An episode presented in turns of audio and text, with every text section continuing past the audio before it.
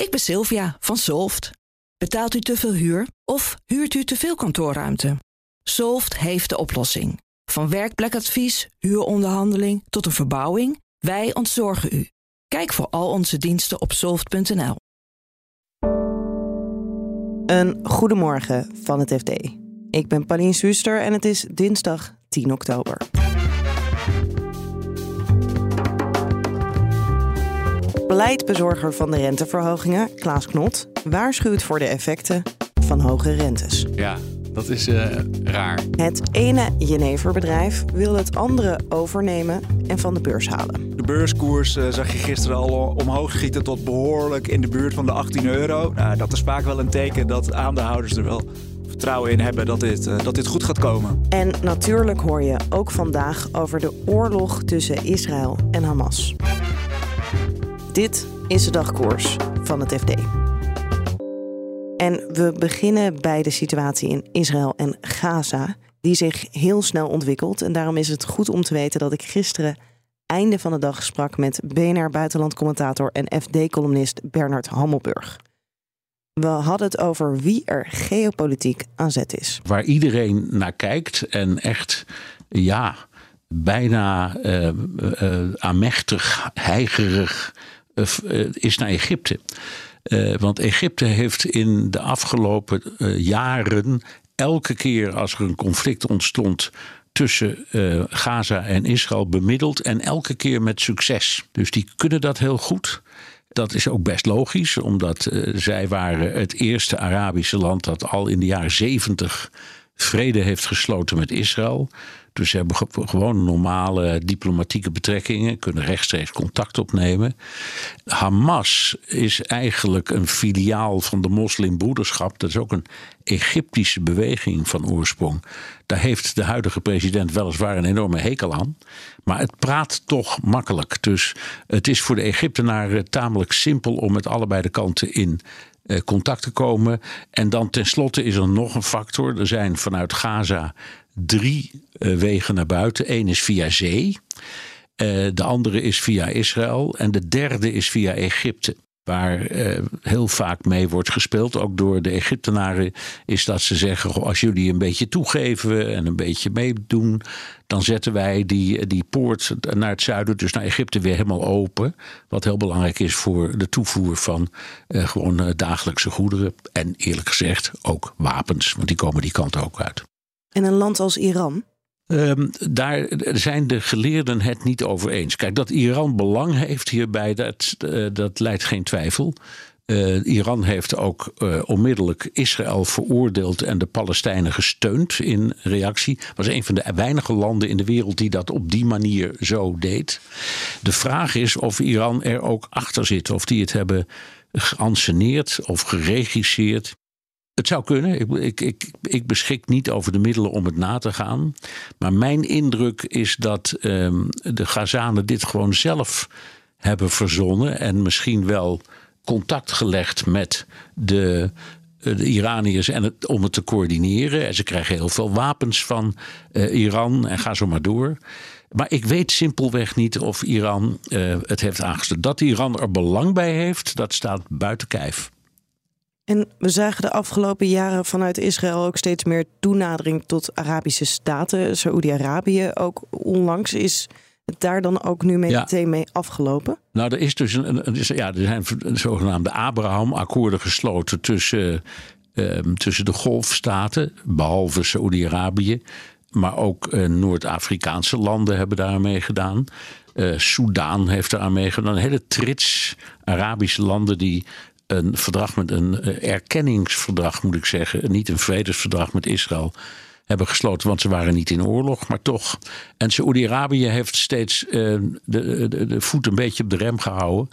Je ziet nu een beetje wat daar gebeurt. Saoedi, daar zeggen Mohammed bin Salman, dat is de, feitelijke machthebber, die wil dolgraag een deal sluiten met Israël, want in werkelijkheid achter de schermen zijn de relaties tussen Saoedi-Arabië en uh, Israël altijd uitstekend. En dat heeft ermee te maken dat het beide aardsvijanden zijn van Iran. Dus ze werken bijvoorbeeld op het gebied van inlichtingendiensten al jaren met elkaar samen. Om daar nu een formele erkenning van te maken, dat is nogal wat. En daar waren ze onder leiding van de Amerikanen mee bezig. En dat proces hapert nu. Maar wat de meeste uh, uh, waarnemers daar zeggen is dat is niet zozeer omdat de, de Saoedi's nu plotseling boos zijn en zeggen dit kan niet en we stoppen dat proces. Het is omdat Mohammed bin Salman een nieuwe generatie vertegenwoordigt van jongere mensen die in het algemeen best uh, te porren zijn voor modernisering, ook van de politiek en dus ook van de internationale betrekkingen. En aan de andere kant het huis Saud, waar ook Mohammed bin Salman natuurlijk een, een kind van is, maar dat is dus het, het, het koningshuis. Dat, is, dat zijn meer dan 2000 prinsen eh, bijna allemaal heel oud en bijna allemaal voornamelijk bezig met elkaar betwisten om geld die zijn uh, behoorlijk streng wahhabistisch. Dat is die hele extreme vorm van de Soenitische uh, islam.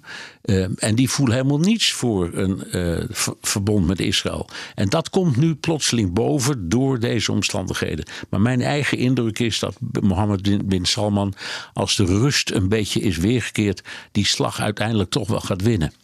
Amerika is natuurlijk ook nog een speler. Moet, moeten we nou vooral naar de regio kijken of maakt het ook nog uit hoe wij of Amerika zich opstelt nou, in het conflict? In, dat maakt altijd uit. Kijk, er is een VN-principe. Dat hebben dus alle landen op afgetekend. En dat heet de twee-staten-oplossing. Dus die onderschrijft iedereen. En als je, wij zitten midden in de verkiezingen. Als je de, de, de verkiezingsprogramma's van de Nederlandse partijen er nu op naslaat, dan zie je overal dat woord twee-staten-oplossing staan. Eh, dat vinden de Amerikanen ook en dat zeggen ze ook. Uh, en de EU ook. Dus wat je nu gaat zien de komende dagen, is dat ze steeds zullen zeggen: uh, dit is een barbaarse. Op IS lijkende slachtpartij aangericht door een stel terroristen. Dus dat veroordelen we en we, we steunen Israël volledig. Maar overigens blijven wij uitgaan van een twee-staten-oplossing. Dat hoor je er altijd achteraan zeggen. En let maar op, dat gaat de komende dagen ook steeds gebeuren. En dan gaan we naar bankredacteur Matthijs Rotteveel, die gisteren de Nederlandse bankpresident Klaas Knot hoorde waarschuwen voor de effecten van de hogere rente. Er zijn natuurlijk heel veel bedrijven die hebben leningen. Die leningen moeten afgelost worden en uh, rente moet betaald worden. En die hebben ze nu nog uh, gemiddeld zeg nog twee jaar vaststaan. Daarna moeten ze herfinancieren, een nieuwe lening afsluiten. En dat moet dan waarschijnlijk tegen een veel hogere rente.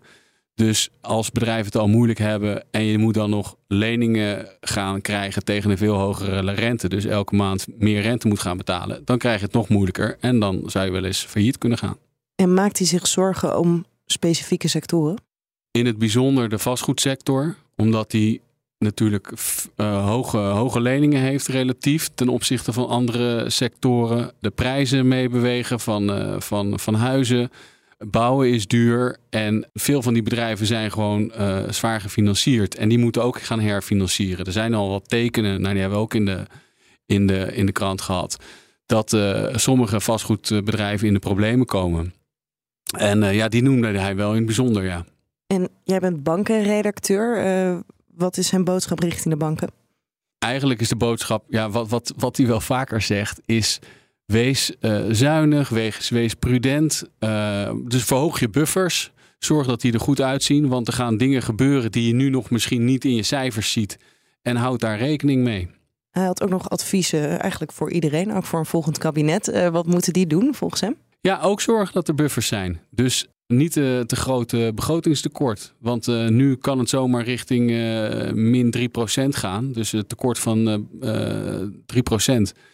En hij verwees naar, naar adviesgroep die zegt, nou 2% dat is echt toch wel het maximum. Dus ga niet naar die 3, want we hebben misschien dat, dat stabiele overheidsbudget nodig. Mocht de financiële sector ooit in de problemen komen. Um, je moet ook uh, concurreren, hè? dus uh, op de financiële markten. Dus als de overheden veel meer geld moeten ophalen en de banken ook weer allemaal geld moeten ophalen, dan wordt dat natuurlijk ook een, een, een lastige strijd uh, met beperkt beschikbaar kapitaal. Dus hij zegt. Um, ja, wees prudent. Geef niet te veel geld nu al uit. Want we zouden het in de toekomst nog wel eens nodig kunnen, hebben. als het wat slechter gaat eh, dan we nu verwachten. Voelt toch lichtelijk ironisch dat Klaas Knot als een van de nou ja, pleitbezorgers van de centrale banken moeten de rente verhogen. Dan nu waarschuwt voor de effecten van een hoge rente. Ja, dat is uh, raar. Maar laat ik het zo zeggen. Klaas Knot moet met de Europese Centrale Bank. Primaire taak is het beperken van die inflatie. Dus houdt die inflatie op 2%. Daarvoor uh, verhogen ze de korte rente om die inflatie zo laag mogelijk te houden. Het verhogen van die korte rente doet tijdelijk pijn. Het is alleen het idee, het moet niet te veel pijn doen. Het moet net een klein beetje pijn doen dat we rustig aandoen, zodat we niet overbesteding hebben, niet die inflatie verder doen oplopen. Alleen het is altijd heel lastig om te zeggen hoeveel pijn is precies goed om rustig aan die economie af te laten koelen. Dat blijkt nou ja, ook uit het verleden altijd uh, zo goed als onmogelijke taak. Maar wellicht gaat het, hij, hij, zag het goed, ja, positief in hoor. De zachte landing uh, ziet hij nog steeds gebeuren. Komt allemaal goed. Uiteindelijk, volgens ehm, de modellen die er heel vaak naast hebben gezeten, komt het uiteindelijk allemaal goed. De Schiedamse Jenever-familie Nolet wil branchegenoot Bols van de Amsterdamse beurs halen voor zo'n 270 miljoen euro. Beide bedrijven zijn al aan het wegbewegen van de Jenever, vertelt retailredacteur Jan Braaksma. Jenever, dat is toch een beetje iets van je opa.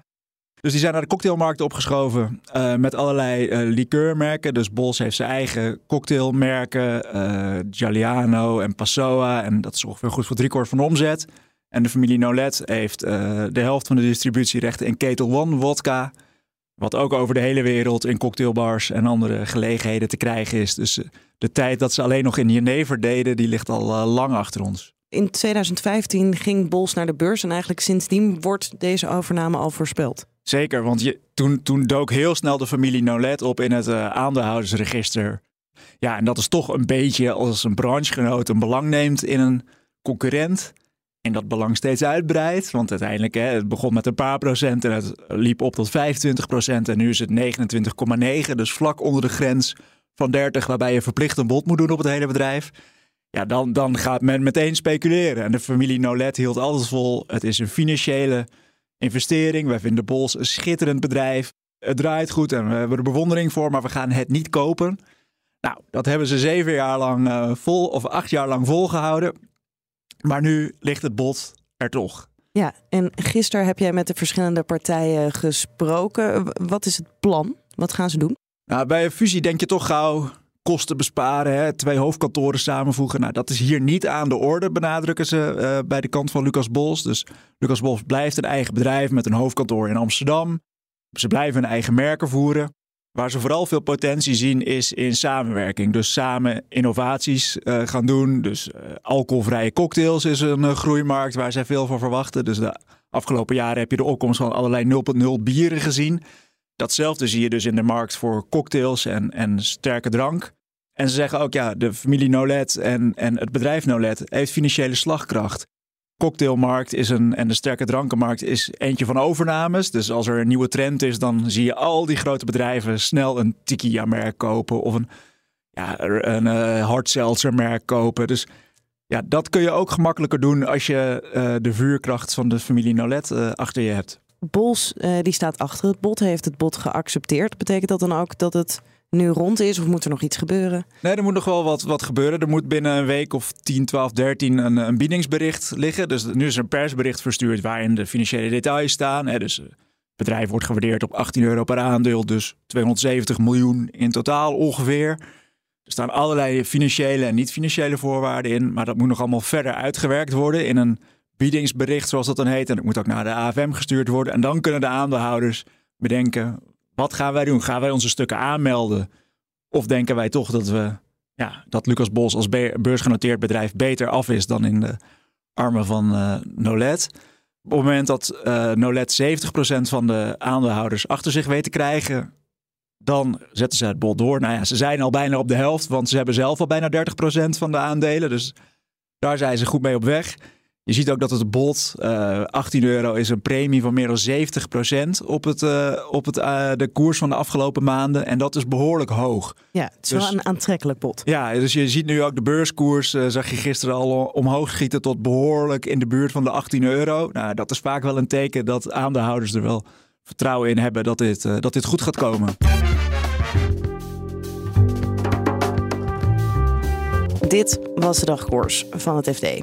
Morgenochtend zijn we er weer met een nieuwe aflevering. En op fd.nl vind je natuurlijk de hele dag het laatste financieel-economisch nieuws. Nog een hele fijne dag en graag tot morgen. Ik ben Olivier van Solft. Betaalt u te veel huur of huurt u te veel kantoorruimte? Solft heeft de oplossing. Van werkplekadvies, huuronderhandeling tot de verbouwing. Wij ontzorgen u. Kijk voor al onze diensten op soft.nl.